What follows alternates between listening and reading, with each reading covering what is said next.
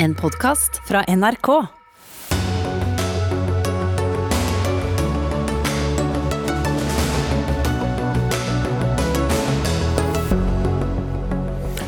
Helsedirektoratets støtte til portforbud i ekstreme situasjoner møter kritikk. Det er et kontrolltiltak og ikke et smitteverntiltak, mener medisinprofessor.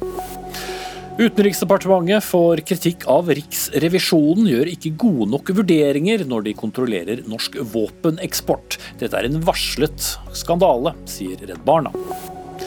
Hundrevis av oppmøte ble arrestert utenfor rettslokalet i Moskva, der saken mot opposisjonspolitikeren Aleksej Navalnyj ble avholdt i dag.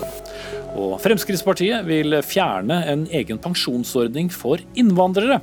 Dette er usosialt og typisk Frp, sier SV. Ja, Med det ønsker vi riktig god kveld og velkommen til um, Dagsnytt 18. Jeg heter uh, Espen Aas. Vi skal også innom den kommende riks riksrettssaken mot den tidligere innvandringsministeren i Danmark. Og to kommentatorer i Tromsø er helt uenige om hvorvidt ytringsrommet er blitt innskrenket. Men eh, først, som vi hørte i eh, radioen i morges, eh, Helsedirektoratet støtter et forslag om portforbud i ekstreme situasjoner. Dette var jo et utenkelig tema for bare elleve måneder siden, men mye har skjedd siden den gang. Nedstengte kommuner, klemmeforbud og mye annet, og regjeringen har som vi vet også utarbeidet et forslag til portforbud som det som heter relevante instanser har fått eh, uttale seg om. De aller fleste har avvist eh, forslaget, inkludert Folkehelseinstituttet, men eh, Helsedirektoratet har altså støttet det. Blant de som er kritiske til dette, er deg, Mette Kallager, lege og professor ved Oslo universitetssykehus. Hvorfor er det så utenkelig med en støtte til et slikt portforbud? Nei, For det første så er det jo denne forholdsmessigheten da, mellom tiltak, smittevernstiltak og eh, altså hvor nødvendig det er, eh, sett opp mot ulempene. Og Det er vel ikke noe tvil om at vi er, eh, de fleste av oss er enige om at det å ikke kunne få lov til å bevege seg utenfor huset eller eiendommen, det gir en sterk reduksjon i livskvaliteten og eh, friheten man har som menneske. Så da må man veie de ulempene opp mot fordelene av et portforbud som smitteverntiltak.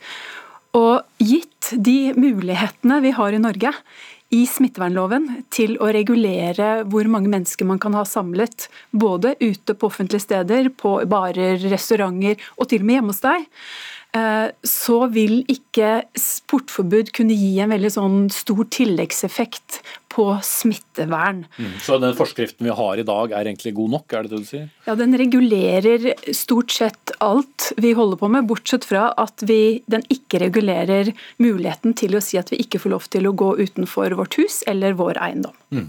Ja, Helsedirektør Bjørn Gullvåg, eh, vi hørte deg snakke om denne eh, saken i radioen i, morges. Men hva er egentlig den store forskjellen? Eh, et eksempel i dag er jo Ulvik i, Hardanger, som, hvor det har vært en kraftig smitteøkning. og Der sier kommunen i dag at nå skal få folk bot dersom de besøker hverandre og, og bruker da koronaforskriften eller smittevernforskriften til dette.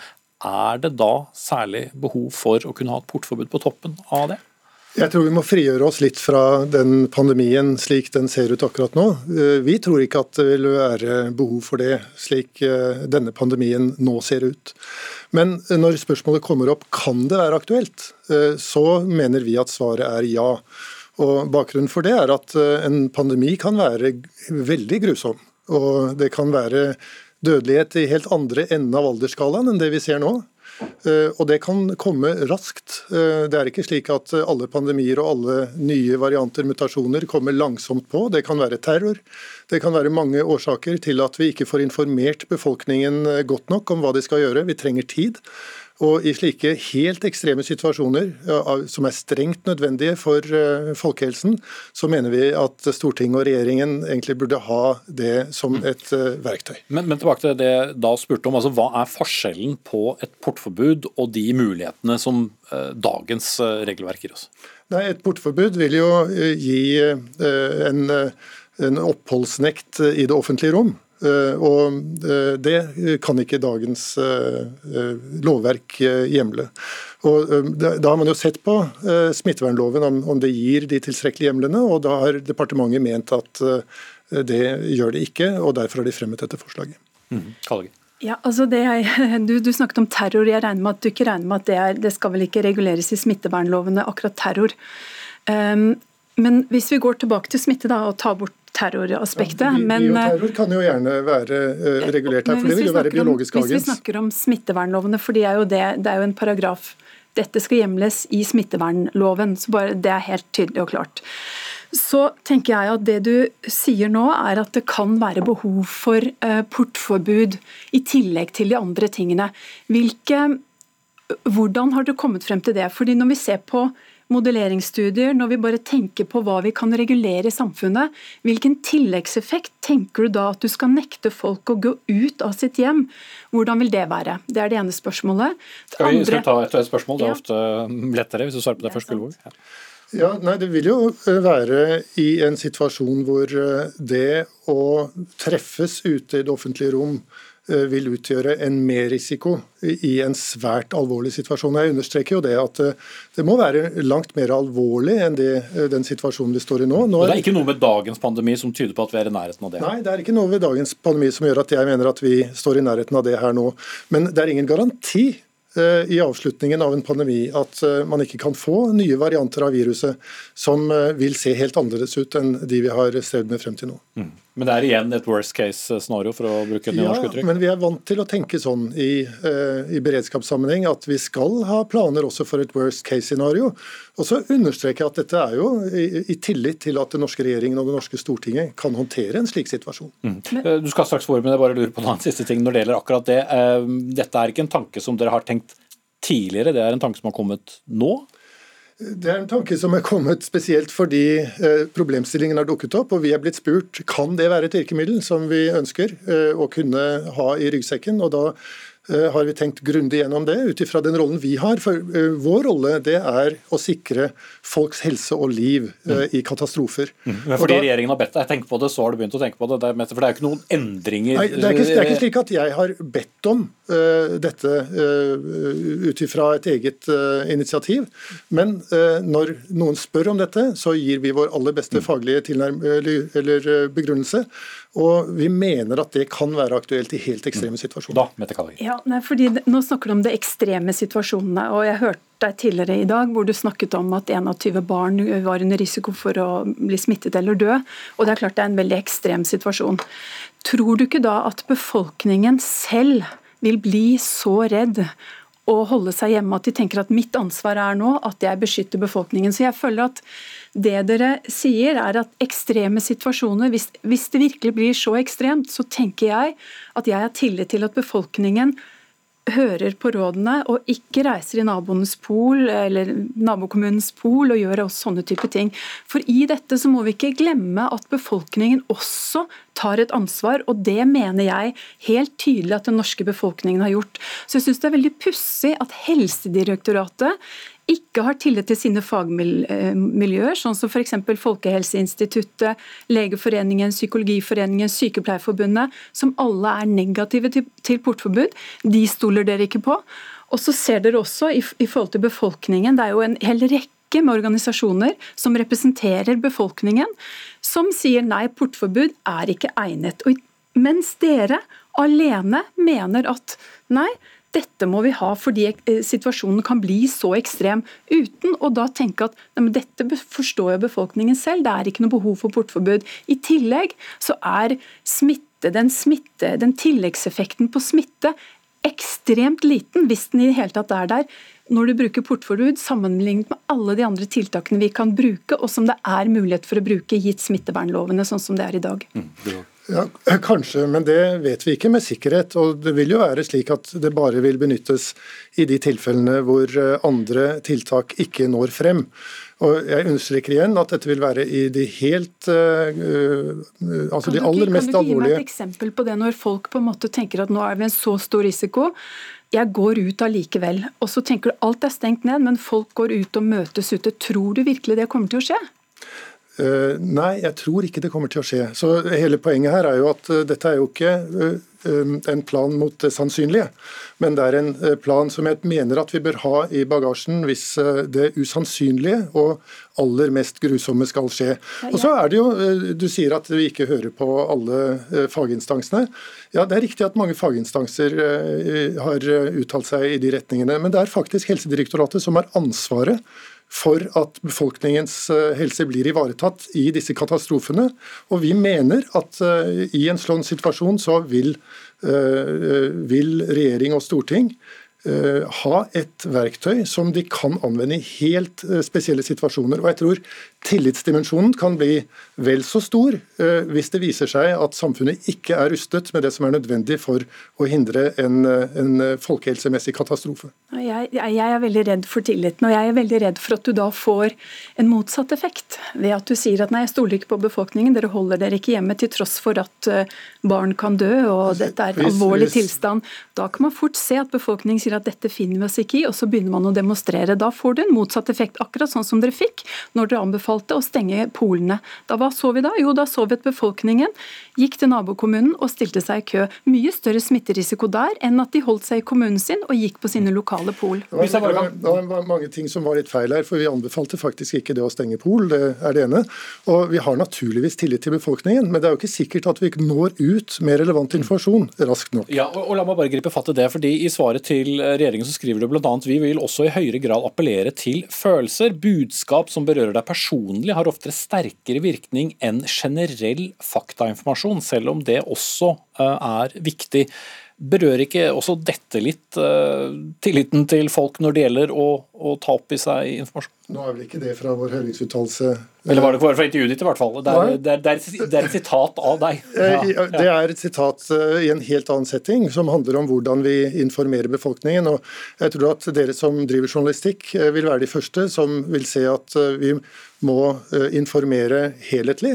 Ikke bare faktabasert og tallbasert, men vi må appellere til menneskers følelser. Det er jo faktisk noe av det som er styrken ved mennesket, det er at vi har empati. Og Da må vi nå den empatien eh, gjennom også følelsesmessig budskap, i tillegg til eh, annen faktarelevant budskap. Mm. Kort til slutt, ja, nei, jeg synes Dette, dette synes jeg er veldig skummelt. altså. For det første så opplever jeg nå at Helsedirektoratet står for en linje hvor de sier at vi har kanskje ikke tillit til folk. Og dessuten, ja, det har vi da aldri sagt. Og dessuten, nei, Min opplevelse er at dere sier at folk vil ikke forstå at, alvorlig, at situasjoner kan være så alvorlige at de må holde seg hjemme. Jeg har sagt at vi kanskje også, ikke er i stand til å informere dem raskt nok. Og så er det dette at dere ønsker å, istedenfor å komme med faktabasert kunnskap, så ønsker de å spille på folks følelser, altså frykt. Jeg tenker at Deres oppgave er jo å spille på fag, og forstå hva er faglige tilleggseffekter av portforbud. Det du sier nå er jo Jeg blir veldig urolig av dette her, må jeg si, fordi jeg opplever at Helsedirektoratet i denne retning i dette, denne avgjørelsen og i sin høringssvar her sier at portforbud er noe vi kan bruke. Jeg opplever at dere også da kommunikasjonen deres går på å spille på folks følelser. Og disse to tingene sammen mener jeg er veldig det, det, er krutt i forhold til en befolkning, i forhold til hva deres oppgave egentlig er. Så jeg, ja, Vår tid er egentlig ute, men du kan få svare på det siste. Ja, jeg mener at Vår oppgave er å ivareta folks liv og helse. Og vi skal kommunisere med folk slik som eh, er vanlig mellom mennesker, og da er følelsesdimensjonen en del av det.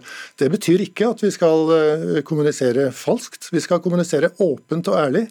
Men eh, følelser er en del av den åpne og ærlige kommunikasjonen. Mm. Men Det tenker jeg, det tilhører ikke Helsedirektoratet, det er reklamebransjen som driver med. Ok, Vi må sette strek der, og så får jeg jo bare skyte inn da at det er eh, opp til regjeringen å, å, å lande dette her. Og noen instanser har også fått forlenget denne uh, høringsfristen. Takk til helsedirektør Bjørn Gullvåg og professor ved um, Universitetssykehuset i Oslo, Mette Kallager.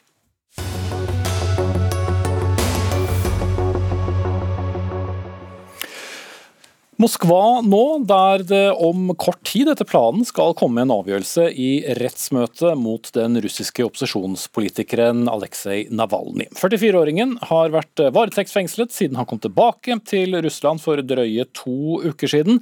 Retten skal ta stilling til om 44 år gamle Navalnyj har brutt vilkårene for en betinget dom for underslag og hvitvasking som han fikk i 2014.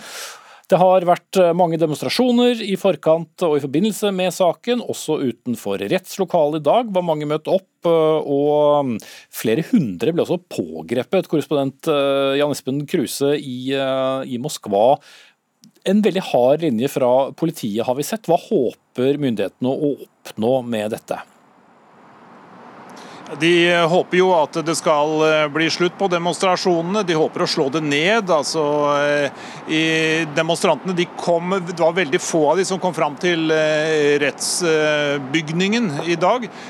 Politiet hadde slått en jernring flere kvartaler rundt denne bygningen for å hindre dem. Det var bare noen få som klarte å komme forbi politisperringene, og de ble etter hvert også arrestert på stedet. Men flesteparten av de som ble arrestert, ble det i nærheten av den nærmeste metro stasjonen. Så at politiet brukte, brukte makt i dag igjen. Mm. Ja, nok, nok, en gang. Samtidig så har Putins talsmann i dag sagt at han håpet at ikke saken ville påvirke Russlands forhold til Europa. Hva, hva legger han i det?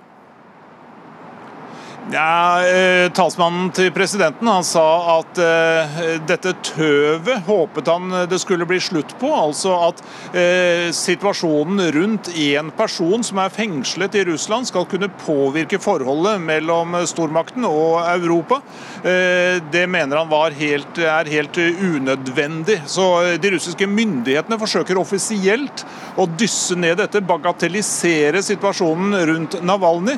men eh, det, det nytter jo naturligvis ikke når vestlige ledere tar det opp i hvert eneste møte de har med russiske myndigheter. Mm. Og Vi venter altså at det skal komme en avgjørelse. Det skulle vel komme nå rundt klokke seks eh, norsk tid, muligens, eh, Jan Espen Kruse. Og nærmest uansett eh, hva de faller ned på, så vil jo denne saken få fornyet oppmerksomhet. Ja, det, det, vil den jo absolutt. Altså, de fleste russiske kommentatorer de tror at uh, Navalny kommer til å bli satt i fengsel i uh, tre og et halvt uh, år. De sier at hvis noe annet skulle skje, hvis han skulle bli satt fri, så ville det være en kjempestor overraskelse. Navalny han sitter akkurat nå i rettssalen og venter på at dommerne skal lese opp denne avgjørelsen. Så det er naturligvis uhyre spennende minutter akkurat nå for Navalny, og vi får altså relativt snart vite resultatet. Mm, du følger med for oss videre, Jan Espen Kruse, og så skal vi bringe nyheter så fort vi får dem. Med meg her i studio har jeg deg, Anna Sangarcheva, seniorrådgiver i helseforskomiteen, statsviter og fra Russland. Hvor redd er Vladimir Putin for Navalny når vi ser alle disse tiltakene som settes i verk? Ja, eh, Navalny er en, en pest og en plage for Putin. Eh, som vi sier på russisk, han er en slags kyllingsbein i halsen. Rett og slett. Og det er tre ting eh, som forklarer dette. For det første så Navalny bryter ideen om makten i Russland som hellig. At Putin kan være evig, og at man ikke kan ha en alternativ i Russland. For det andre så han bryter kommunikasjon mellom makthavende og befolkning. Ved å si at makthavende er også å kjøtte blod og at vi kan stille krav til dem. Og gjennom disse avsløringene sine, han viser at uh, disse elitene er veldig korrupte. Og for det tredje, så han eh, håndterer Putin personlig, han, henviser til han personlig, men han er veldig saklig. Han er imot Han, er veldig, han har laget kampanje mot partiet som Putin har laget, Forent Russland, og som han eh, taper popularitet, og Putin også, eh, meningsmålene. Og på denne måten han taper rett og slett eh, Putin får legitimitet. Mm.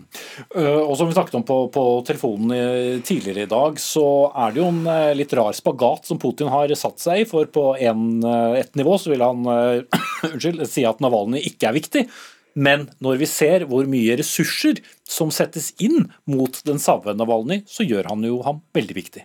Ja, ikke sant. Og det er eh, mot uh, egentlig sin hensikt. Det ville vært bedre om han lot han være.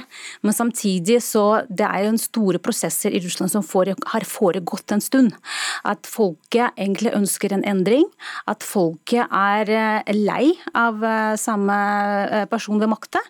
Og at disse demonstrasjonene som vi har sett i helgen, de viser 120 byer har kommet ut. Hele, hele Russland har kommet ut og tatt imot budskapet fra Navalny at folk må ikke være redde. Så Putin egentlig fører seg ut fra den gammel maktsystem som egentlig reagerer på, på fiende, og, og tror at ingenting av dette kommer ut. Men verden er jo helt gjennomsiktig og veldig transparent, og alt kommer ut. Og det er ingenting å skylde. Mm.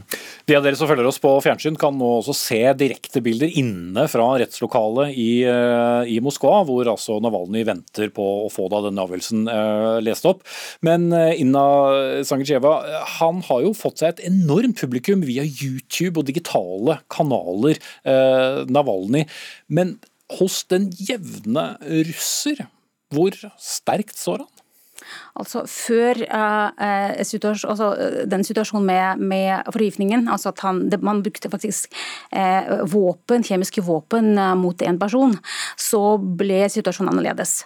han var nok ikke så veldig kjennbar før den situasjonen. men etterpå så ble han en slags martyr. Det ble jo spennende, som, som man føler med, med popkorn og, og følger opp et show. For det er en slags sjakkspill mellom Putin og Navalnyj, hvor Putin egentlig har lyst til å spille kortspill og hele tiden ljuger, som han alltid har gjort, eh, som Navalnyj viser til. Eh, mens, mens eh, Navalnyj ønsker å spille sjakk. Han vil ha regler, han vil ha forutsigbarhet, og han er ikke redd å avslutte den, dette spillet. Og som du også sa da jeg snakket med deg tidligere i dag, så har også Putin, ifølge deg, da, beveget seg så langt unna folk at han har mistet kontakten med grasrota, mens Navalny fortsatt vet hvordan han knekker den koden, og dermed eh, kan spille lettere ut til, til folk, bl.a. gjennom dette antikorrupsjons, eh, disse antikorrupsjonsavsløringene som man holder på med. Ja, det er slik med autoritære regimer. Jo lengre man er ved makta, desto mer man mister oversikten og kontakten med bakken. Og det har for så vidt Putin aldri hatt, eh, vil jeg påstå. fordi at han har aldri vært med på debattene, han har aldri gjennomført en ordentlig pressekonferanse. Han har aldri vært i den ordentlige dialog med med folket, så han vet faktisk ikke hva som egentlig skjer. Og eh, det at det faktum som f.eks. veldig mange russere har kommet med demonstrasjon med dobørste f.eks. som symbol, at den koster 700 euro samtidig som gjennomsnittlig lønn i Russland er under 100 euro, det er, er veldig uh, noe som skaper u, den følelsen av urett og eh, rettferdighet. Mm. Vi venter, så får vi se om vi får en avgjørelse fra Moskva i løpet av denne sendingen. Takk skal du ha, Inda, Inna eh, Sangicheva, seniorrådgiver i Helsingforskomiteen.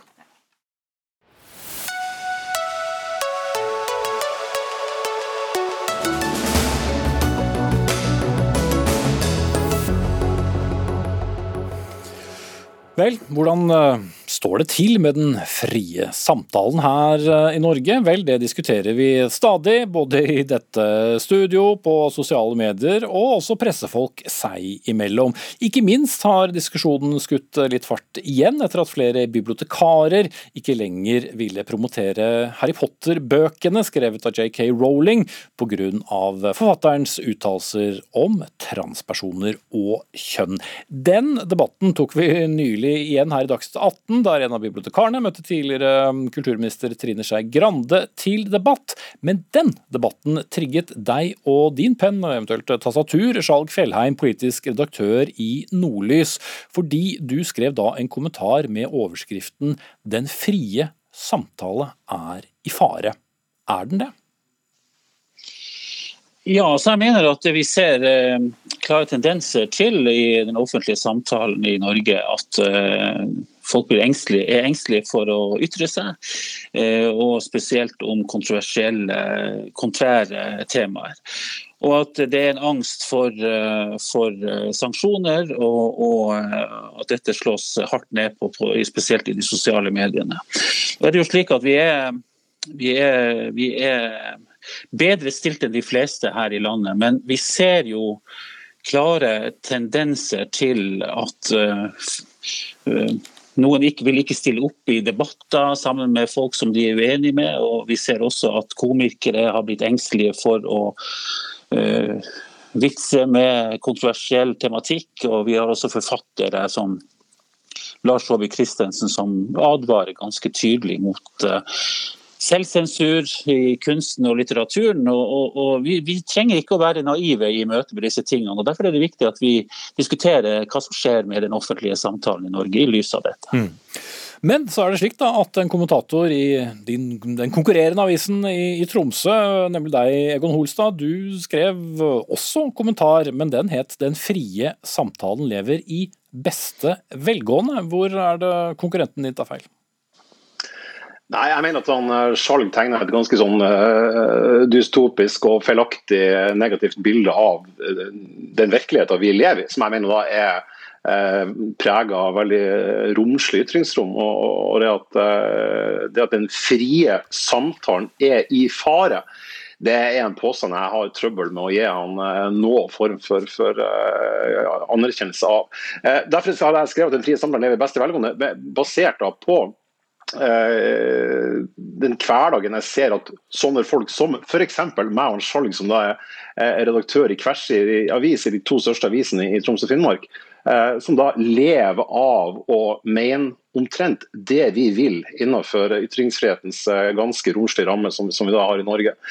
Og det her, At, det her da får, at denne debatten da skyter fart som følge av at to bibliotekarer i henholdsvis Kvinesdal og Vennesla ikke har lyst til å arrangere et Harry Potter-event der, eh, der, de diskuterer bøkene skrevet av en forfatter de ikke liker meningene sine til. En forfatter som leses og har solgt eh, over en halv milliard bøker. Jeg tenker at det er et veldig dårlig utgangspunkt og bevis på å, på å få en slags bekreftelse på at denne frie samtalen er i fare, som da eh, Skjalg Fjellheim skriker fra overskrifta i, i, i Nordlys. Mm, Altså, det kan jo være interessant å se dette her i lys av forskning som eh, er gjort på feltet, og, og, eh, og Fritt Ord sin, eh, sin, undersøkelse av ytringsfrihetens kår i Norge. og Det viser jo nettopp at, at mange vegrer seg for å delta i samfunnsdebatten pga. angsten for å bli stempla eller stigmatisert som, som, ond, umoralsk eller slått i hardkorn med, med rasisme eller ytre høyre. Og Det at folk har tilgang på sosiale medier og kan ytre seg, er jo i seg selv ikke noe eh, garanti for et eh, godt ytringsklima. Jeg mener jo at vi, at vi eh, nettopp på sosiale medier ser ekkokamre, og at, at, de som har kontrære synspunkter, ofte jages i flokk i sosiale medier. Mm. Og, det, og Dette mener jeg er en trussel mot, mot en fri og inkluderende samtale. Mm. Det, det, det, det, er litt artig der, at du trekker frem fritt ord òg, som, som f.eks. har gitt stipend til Fjordmann, denne ideologen som inspirerte Anders Behring Breivik. Eh, I tillegg så har vi hatt politibeskytta eh, demonstrasjoner med nazister i Norge. Vi har eh, ni stortingspartier som, der vi finner alt fra, fra klimamotstandere til, til, altså til klimafornektere til, til, kommunister. Og jeg føler at de fleste eh, ganske til og med aparte meningene også finner sin vei inn til, til debattstudiene i, i, NRK. Og Nå sitter altså da eh, to redaktører i Nord-Norge og diskuterer om vi er uenige eller enige i det her på riksdekkende radio og TV. Så jeg tror eh, den debatten her er et slags bevis på at den frie samtalen, som du da mener er i fare, Eh, ikke trenger eh, men, men Hvis jeg kan eh, kaste meg inn i denne frie samtalen deres, det er vel også en viss forskjell på å være en redaktør i en avis og være rustet for ytringer, til det å være en vanlig person og komme med ytringer på sosiale medier, og dermed oppleve litt av en, en drittstorm, og at det i seg selv kan være begrensende? Ja, helt, helt, klart. Eh, og han sjøl vet jo også, som, som, som er med og drifte debatt, en egen debattplattform på, på, på, i, sin egen avis, at i dag slipper utrolig mange flere til med sine meninger. Avisene var, Vi skal ikke, skal ikke gå veldig langt tilbake i tid før avisene var mye mer styrt av partiboka og en redaksjonell linje på hva de slapp til på trykk. Mens i dag så har man da tunge debattplattformer både hos dere i NRK, hos oss i, i Tromsø, og hos Nordlys, hos Dagbladet og VG og, og, de aller fleste avishusene. Sånn at eh, Alle de timene som er med debatter på både radio og TV, og alle de enorme eh, ressursene som brukes til å få frem mangfoldet, er, er, jo bedre enn det noensinne har vært. Og det er der jeg mener at det, Med det her bakteppet så er det veldig rart at en politisk redaktør sitter i Tromsø. En politisk redaktør som nærmest er symbolet på at det er et stort ytringsrom i, i landet. Mm. Eh, sitter og ytrer bekymring for det. Jeg, jeg, får bare ikke det til å stemme klart. Burde du formulert det annerledes, eh, Fjellheim? Nei, nei, absolutt ikke. og Det er ikke mitt, eh, mitt, mitt ytringsrom jeg er spesielt bekymra for. Jeg er bekymra for ytringsrommet til en ung kvinne som skriver i VG i går om sine erfaringer etter å ha signert et innlegg med tittelen 'JK Rowling er ikke eh, transfob'. Hun etterlyser da moderate stemmer i debatten om transpersoner sine rettigheter. og Dette ender da med at hun i et innlegg i VG beskriver eh, hvordan hennes arbeidsgiver og kolleger får en masse mail fra aktivister som eh, oppfordrer sjefen hennes til å gi henne sparken for at hun har ytra seg. Og dette, og det, og dette skjer og, det i Norge i dag. Og det skriver hun i et innlegg ja, i VG. Ser du ikke ironien men, i det her selv? Men det, men, men det sier hun også om omfanget i dette og hvilke krefter som er i sving. Og det er helt åpenbart at man er naiv hvis man ikke klarer å se at dette også påvirker ytringsrommet og muligheten for mennesker i dette landet til å ytre seg fritt i et debattrom, som jeg tror mange opplever som ganske smalt etter hvert, selv om jeg og du som redaktører i hver vår avis har, har, er trent i å delta i dette ytringsrommet, så gjelder jo ikke det alle. Så jeg tror at vi ser en svekka risikovilje blant, blant ikke bare vanlige folk, men også blant forfattere, blant journalister, blant kunstnere. og, og, og, og jeg, jeg syns vi skal ta dette på alvor når forfattere som Lars Saabye Christensen advarer mot, ja, så, mot, mot dette. Ja.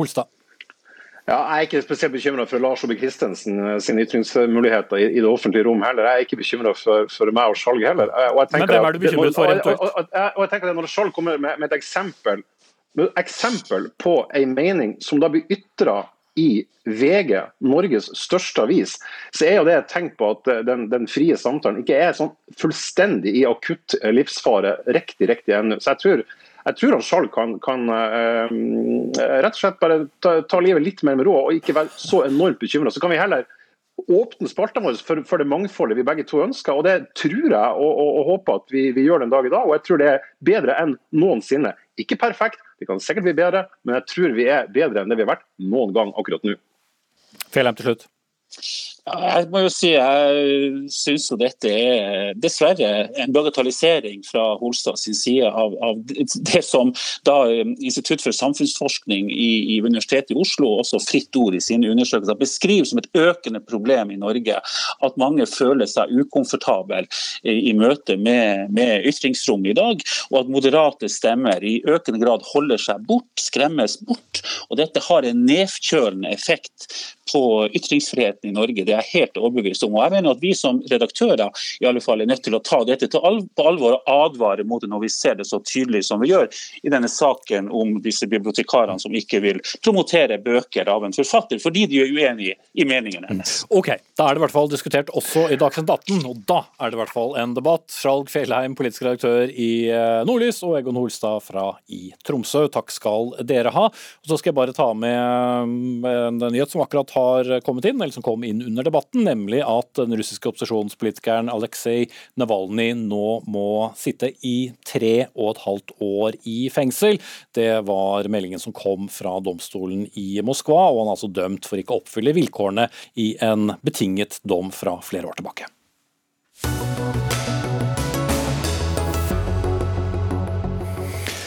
Og Da skal vi til eh, Danmark, eh, for der kom det også nyheter i ettermiddag. Nemlig at Danmarks tidligere innvandringsminister Inger Støberg fra partiet Venstre skal stilles for riksrett. Det har Folketinget formelt vedtatt eh, i dag. Og Bakgrunnen var at hun i 2016 ga en instruks om at asylsøkerpar ikke skulle få bo sammen dersom kvinnen i forholdet var under 18 år.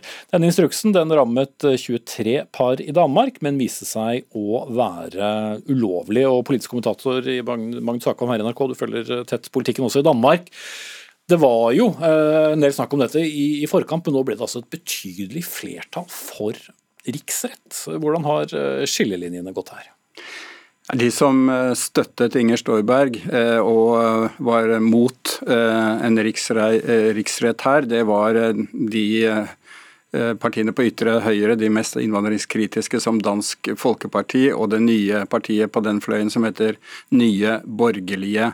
Mens også en del utbrytere av hennes eget parti, Venstre, stemte mot riksrett.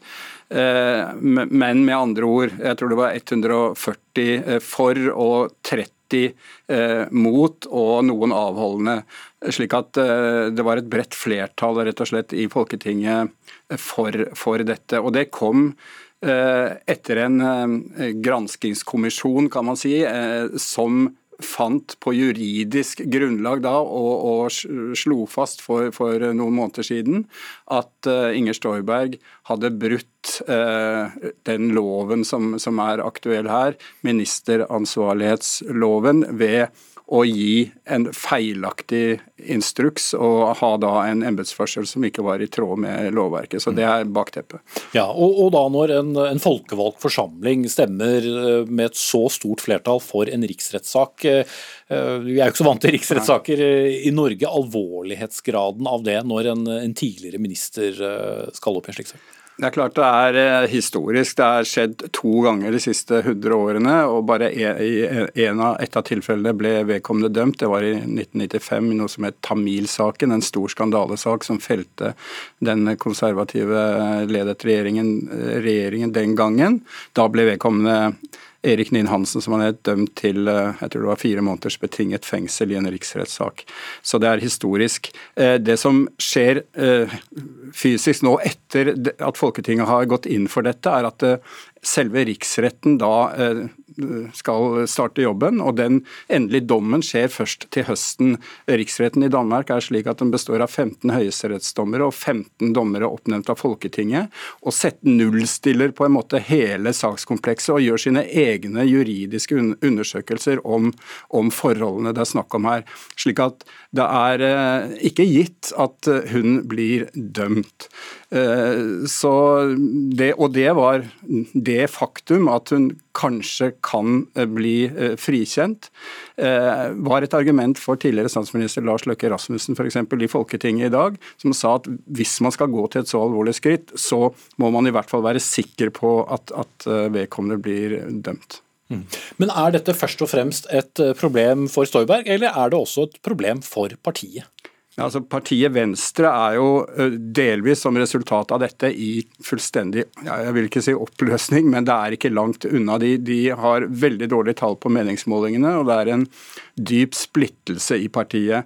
Lars Løkke Rasmussen, som jo var partiets statsminister i lang tid, meldte seg ut av partiet Venstre for kort tid siden og dannet sitt eget politiske nettverk. Og saken splitter Eh, partiet eh, Venstre. Og selv om det er alvorlig eh, naturligvis for Inger Støyberg, slik en slik sak uansett er, så er en del redd for at den skal vi si, opphetede debatten dette nå fører til, kan gi henne en slags martyrstatus, og at hun muligens hun er jo invitert inn av f.eks. Uh, Nye Borgerlige, dette ytterliggående innvandringskritiske partiet, og har selv vært åpen for kanskje å, å melde seg ut og gå inn der. Uh, det vet man ikke, men det kan jo da hende at hele saken gir henne en, en, slik uh, status og liksom en, en ny rolle i dansk politikk. Mm.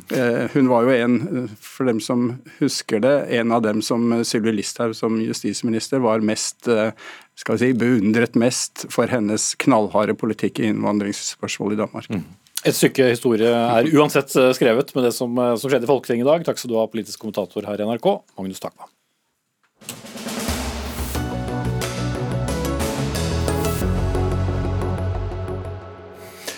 Eksport av våpen og annet forsvarsmateriell det skal bare skje etter en nøye vurdering av uten- og innenrikspolitiske forhold i området som dette skal selges, heter det seg. Men eh, Riksrevisjonen skriver i en ny rapport at eh, vårt eget utenriksdepartements vurderinger ikke har vært grundige nok, og at den samlede kontrollen for å hindre ulovlig eksport rett og slett er for dårlig. Og Riksrevisor Per Christian eh, Foss, hvor, hvor, alvorlige svakheter er det dere har kommet frem til i rapporten når det gjelder UDs eh, saksbehandling? Vi karakteriserer det som alvorlige svakheter, men la meg legge til før utenriksministeren slipper til, at de er ikke alene om det.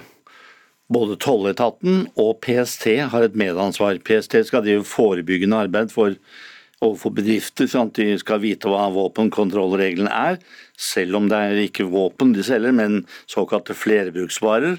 Data, Kom, ja, komponenter, komponenter som... som... kan brukes i våpen. Det er samme strenge reglene for, for begge deler. Og toll, skal jo drive kontroll, det gjør det i lite, liten grad. 1% fysisk, 10% kontrolleres via dokumenter. Så det er så godt som ingenting. Og det varierer veldig fra landsdel til landsdel hva tolletaten gjør på dette området. Men eh, for å ta UD, vi mener at deres landvurderinger, der UD er ekspert og skal kunne alt, er lite oppdaterte og gjennomgående korte og dårlige. Og dårlige i forhold til, ikke i forhold til hva vi mener de bør være, men i forhold til de kriterier som er satt opp Stortinget har to vedtak fra 1959 og 1993. EU har satt opp kriterier, FN har satt opp kriterier. Så det er mye å følge med i og krysse av for når, når varer skal eksporteres. Og Det man særlig skal se på, er jo om våpen om det er såkalt avledningsfare. Det er et tildekkende uttrykk for at våpen kan brukes til andre ting undertrykke egen befolkning, undertrykke menneskerettigheter, eksporteres til andre land som ikke er lov, og eksporteres til terrorgrupper for den saks skyld. Eh, og Det skal også kontrolleres særlig nøye. Mm. Og, og, I pressemeldingen så, så, kaller du da vurderingene tidligvis da for, for, overfladiske, og du har allerede brukt ordet alvorlig. Utenriksminister Ine Eriksen Søreide, du er med oss på på linje. Dere skriver på nettsidene deres i dag at dere tar eh, kritikken eh, alvorlig, men eh, smerter den? Vi tar den kritikken som kommer alvorlig, og jeg vil jo si også at Riksrevisjonens undersøkelser er viktige og gir jo flere gode påminnelser til vårt arbeid med eksportkontroll. Og Den perioden som er undersøkt her, 2016 til 2018, har det jo også skjedd mye etter. Annet er jo en del av landvurderingene oppdatert eh, til nye forhold. Vi er på vei til å få på plass et nytt såkalt e-lisenssystem, som er, altså er saksbehandlingsverktøyet vi bruker.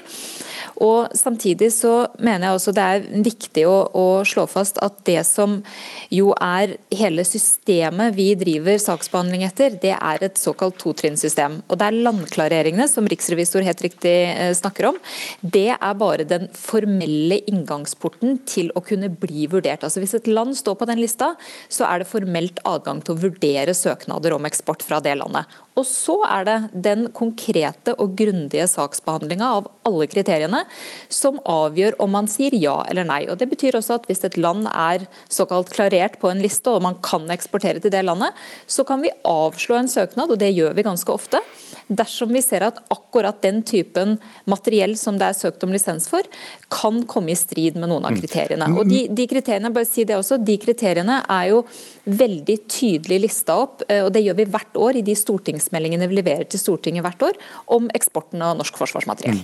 Ja, men Sier du da at eh, kritikken fra Riksrevisjonen da ikke treffer? Eh, den fremstår jo nærmest som en slags liten sånn huskelapp man skal gå gjennom, mens du beskriver den som veldig grundig.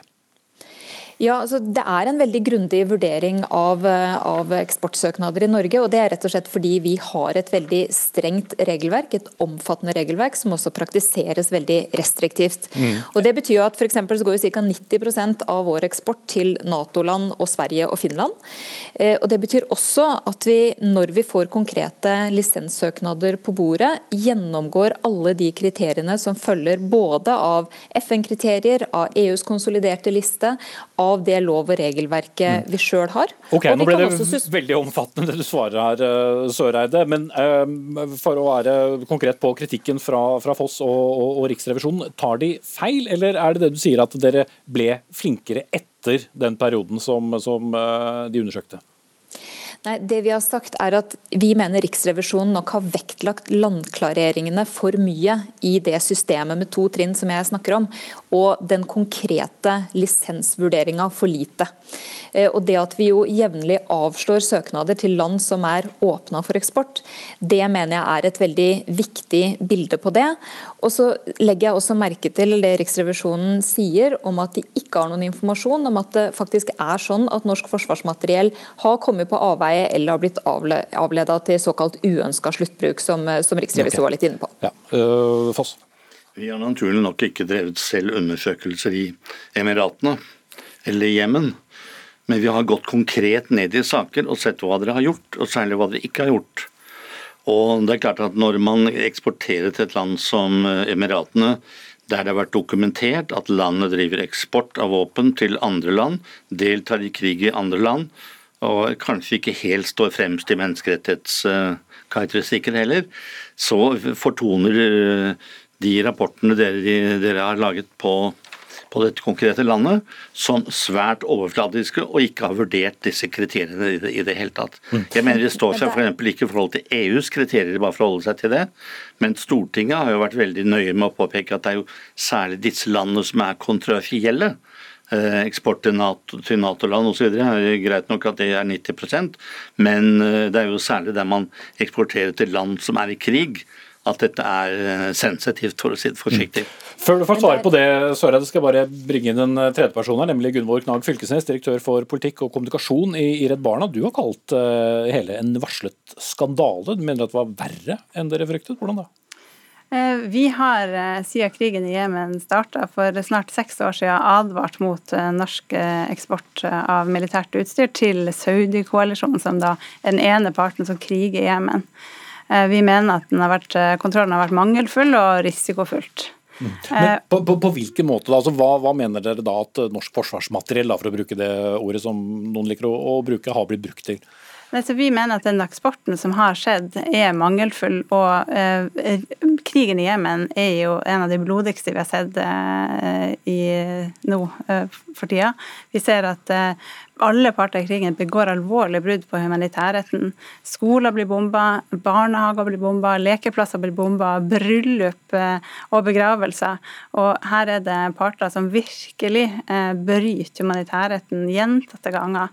Og likevel, i denne perioden eh, som krigen har pågått, så har Norge eksportert eh, i økende grad til eh, da Saudi-koalisjonen. Men, selv om ikke dere da har rent bevis på det, så mener dere at det er med all sannsynlighet at norsk materiell er blitt eh, brukt altså, til dette? Ja, vi, vi, får høre fra Norge at det er full, god, god, kontroll på norsk eksport, og det er ikke noen mangler og det strengeste regelverket. Mm. Men praksis viser, og rapporten til Riksrevisjonen i dag viser at eksporten som skjer, er og kontrollen av den er mangelfull. Mm. Og Hvor sikker kan norske myndigheter være, Søreide? For det første så tror jeg vi må rydde litt i premissene her. og Jeg forventer jo at når kritikken kommer fra Redd Barna, så må de også være etterrettelige. De sier altså at vi i økende grad har eksportert til Saudi-koalisjonen. Sannheten er jo den at Norge ikke har eksportert våpen og ammunisjon, verken til De forente arabiske emirater, aldri til Saudi-Arabia. Og vi har altså ikke eksportert til De forente arabiske emirater siden 2017. Da stramma vi inn. Vi suspenderte gyldige lisenser, og før det så suspenderte vi også lisenser tilbake i 2016. Eh, og jeg mener Det er viktig å være etterrettelig på det, og vi har altså aldri tillatt eksport av eh, våpen og ammunisjon til Saudi-Arabia. Men hva eh, har vi eksportert til? Altså, det har jo tidligere vært eksportert såkalt B-materiell, eller altså flerbruksmateriell bl.a. Men i dag, altså helt fra 2017, så har jo terskelen for å avslå de til De forente arabiske emirater vært svært lav. Praksisen er ekstremt streng. Og til Saudi-Arabia så innvilger vi ingen B-lisenser heller.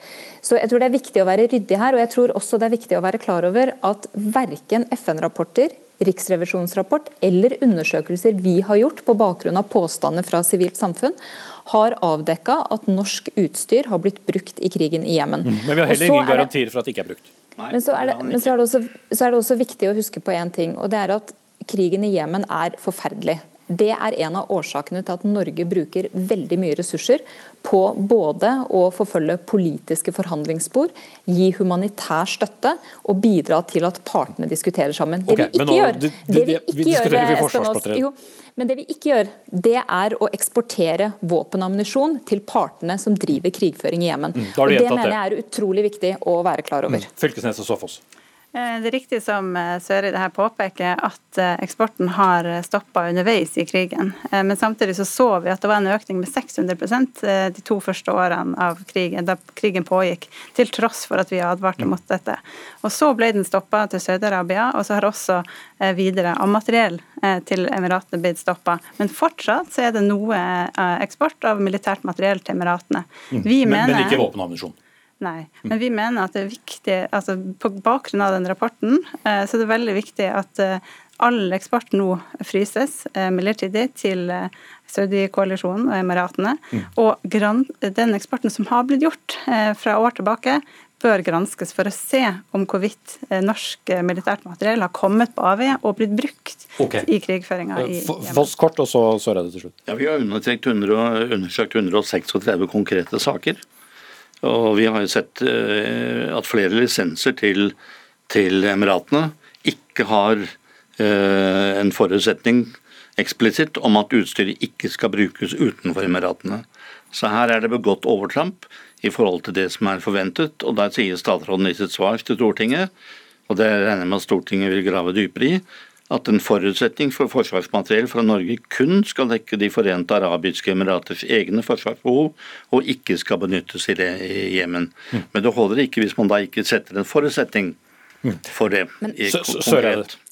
Ja, Det er også gjort. Altså, de eksportene som har vært i tidligere tider til Emiratene, har jo hatt eh, såkalt reeksportklausul, altså at man ikke kan eksportere det videre. Og vi har selvfølgelig også satt som forutsetning at det brukes i eh, det aktuelle landet, i dette tilfellet De forente arabiske emirater.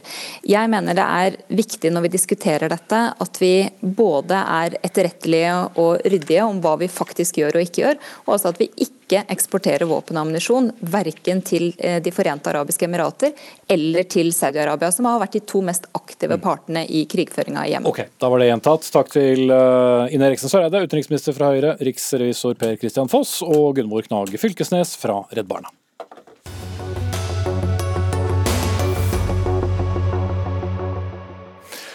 Fremskrittspartiet vil eh, fjerne en eh, særegen pensjonsordning for innvandrere som ikke har bodd lenge nok i Norge til å få minstepensjon på vanlige vilkår.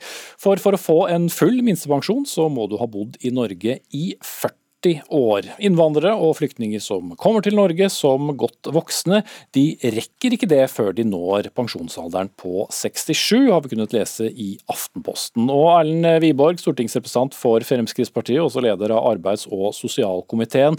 Hvorfor er det viktig å fjerne denne ordningen? Fremskrittspartiet har alltid vært imot eh, særordninger for eh, innvandrere. Vi har ønsket at vi skal ha ett sett system, ett sett regler som er like for alle. Og Det er derfor Fremskrittspartiet i 40 år har kjempet for å avskaffe flere av særfordelene innvandrere har hatt. Bl.a. så kjempet jo Fremskrittspartiet for å avskaffe retten flyktninger hadde til å få full opptjent grunnpensjon uten å ha 40 års opptjening, som eh, gjelder for alle andre Eh, nordmenn. Mm. Eh, Men, det er ett eksempel, og det er noe vi fikk gjennomslag for like før vi gikk ut av eh, regjering. Mm. Men, men, vi fortsetter og ønsker da å ta også dette. Ja, og, Men summen det er snakk om er da tilsvarende det som er minstepensjon for en norsk minstepensjonist. Men det som er poenget deres er at så lenge ikke de har bodd i Norge lenge nok, så kan de ikke heller få den summen, og må da få andre ytelser. Ja, for i Norge er det sånn at hvis du skal få full grunnpensjon eller minstepensjon, så må du ha vært eh, medlem av folketrygden i minst 40, eh, 40 eh, år. Mm. Og Hvis ikke du har det, så får du en lavere utbetaling. Ja. Og Vi ser ikke noe poeng med at, være, at, innvandrere skal slippe de opptjeningskravene som gjelder for alle andre nordmenn. Men Karin Andersen, stortingsrepresentant for SV og innvandringspolitisk talsperson, du har reagert sterkt på dette forslaget og kaller det usosialt. Men skal det være egne regler for nordmenn og andre regler for innvandrere? Nei, altså Vi har jo en folketrygd nå som eh, sikrer at alle får minstepensjon i Norge. Uh, uavhengig av om du har jobba eller ikke. Så det er jo ingen opptjening som sådan, det er bare at du har bodd her så lenge. Og det gjorde vi, for det, og jeg er jo så gammel at jeg husker det, at, at gamle folk eh, måtte leve på familien sin og kanskje be om sosialhjelp eh, av og til for å klare seg. Det gjør jo at veldig mange gamle blir veldig fattige, og at de blir veldig prisgitt familien sin.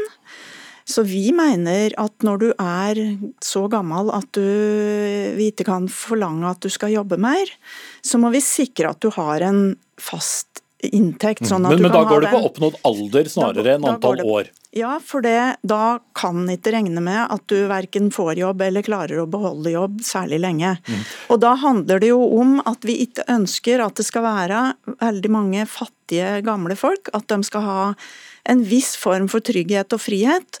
At de har eh, penger de kan leve av, og at de ikke er veldig avhengig av familien sin. Mm. Jeg skjønner det, men da, det betyr jo også at øh, hvis du kommer fra et annet land, så skal det være et lavere krav da, til antall år uh, som du har vært en, innenfor uh, arbeidsfør alder, enn uh, hvis du har bodd her hele livet. Det er jo slik denne regelen om dette, dette som heter supplerende stønad er, og den har vi jo hatt nå i ganske mange år. Ble innført i 2005? Ja. Sånn at, eh, og den har jo fungert sånn som en eh, hadde tenkt da, nemlig at en skal sørge for at eh, de som kommer hit og ikke klarer å tjene opp eller være her lenge nok, da, skal kunne ha en fast inntekt. For det andre er jo at du da Du dytter jo da utgifter over på staten, over på kommunene. Hvis du må få Sosialhjelp sosialhjelp, f.eks., så skal du jo da behovsprøves hver 14. dag. Det er mye byråkrati. Mm. Og du skal måtte selge unna eiendeler osv. Så, videre, så jeg veit ikke helt hvor fattig du skal ende opp da når du er eh, 87 og Ja, hvorfor er det en bedre løsning øh, med, med da sosialhjelp, som er, er da helt andre ordninger, Wiborg? Nei, Sosialhjelp er eh, det systemet man har hvis ikke du har opptjent andre rettigheter. Men jeg må si jeg reagerer litt når eh, Karin Andersen og Sosialistisk Venstreparti snakker her om at eh, hvis man gjør som Fremskrittspartiet her ønsker, så blir det uverdig og det skaper fattigdom og ikke måte på. Det er akkurat det systemet som mange titusener går på nå hver eneste dag pga. at det er andre ytelser og eh, de har ikke andre inntektskilder. Mm. Men det har jo vært en ordning i 15 år, da. Men, jo, men det er tydeligvis helt greit for Sosialistisk Venstreparti at mange nordmenn går på, eh, eller mottar økonomisk sosialhjelp med de satsene man har. Mens eh, for en innvandrer så er det tydeligvis eh, helt uverdig og helt forferdelig. Nei, nå nå det er ikke sånn at vi kan skape to parallellsystemer i Norge. Vi bør ha ett system som er likt for alle. Ikke den forskjellsbehandlingen Sosialistisk Venstreparti her tar til orde for. Ja, han snakker jo mot bedre vitende nå. Det ene er at han vet at vi ønsker å bedre sosialhjelpa.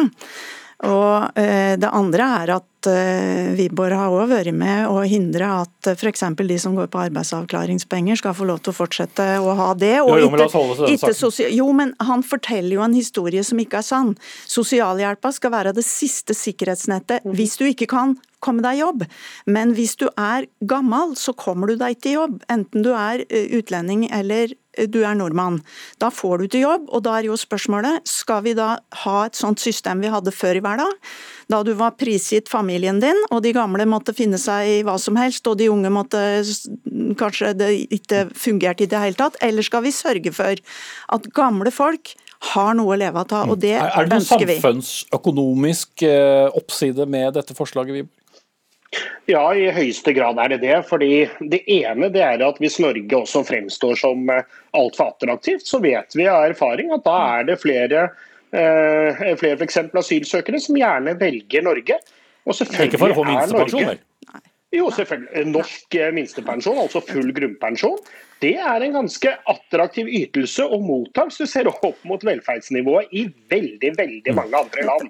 Og da er det jo rart at Sosialistisk Venstreparti mener at man skal få, eh, få den retten i praksis i det sekundet du lander på Gardermoen. Jeg syns det er en forskjellsbehandling. I Norge så har vi et system at du da gjerne skal ha vært med å yte. I det minste skal du ha vært medlem av folketrygden i minst 40 år for å få disse rettighetene. Ok, da har vi nevnt, og så skal er Karin Andersen få, få svare på det. Dette handler jo ikke om å få alle disse rettighetene i det du lander på Gardermoen. Jo, Dette, det dette, dette handler om å ha det systemet vi har i dag, som et flertall av partiene har vært enige om, nemlig at vi skal sikre anstendig levevilkår også for eldre, og at folk skal ha lov til å være sammen med familien sin, sjøl om de har vært så uheldige at de har vært ramma av krig og vært nødt til å søke ly i et annet land. Jeg må sette strek der, for tiden vår er ute. Erlend Wiborg fra Fremskrittspartiet og Karin Andersen fra SV. Ifølge Aftenposten så gjelder dette eh, om lag 3000-4000 personer i Norge i dag. Ansvarlig for dagens sending det var Dag Dørum. Lisbeth Sellereite hadde det tekniske ansvaret. Jeg heter Espen Aas, og i morgen er Sigrid Solund tilbake som programleder i Dagsnytt 18. På gjensyn da.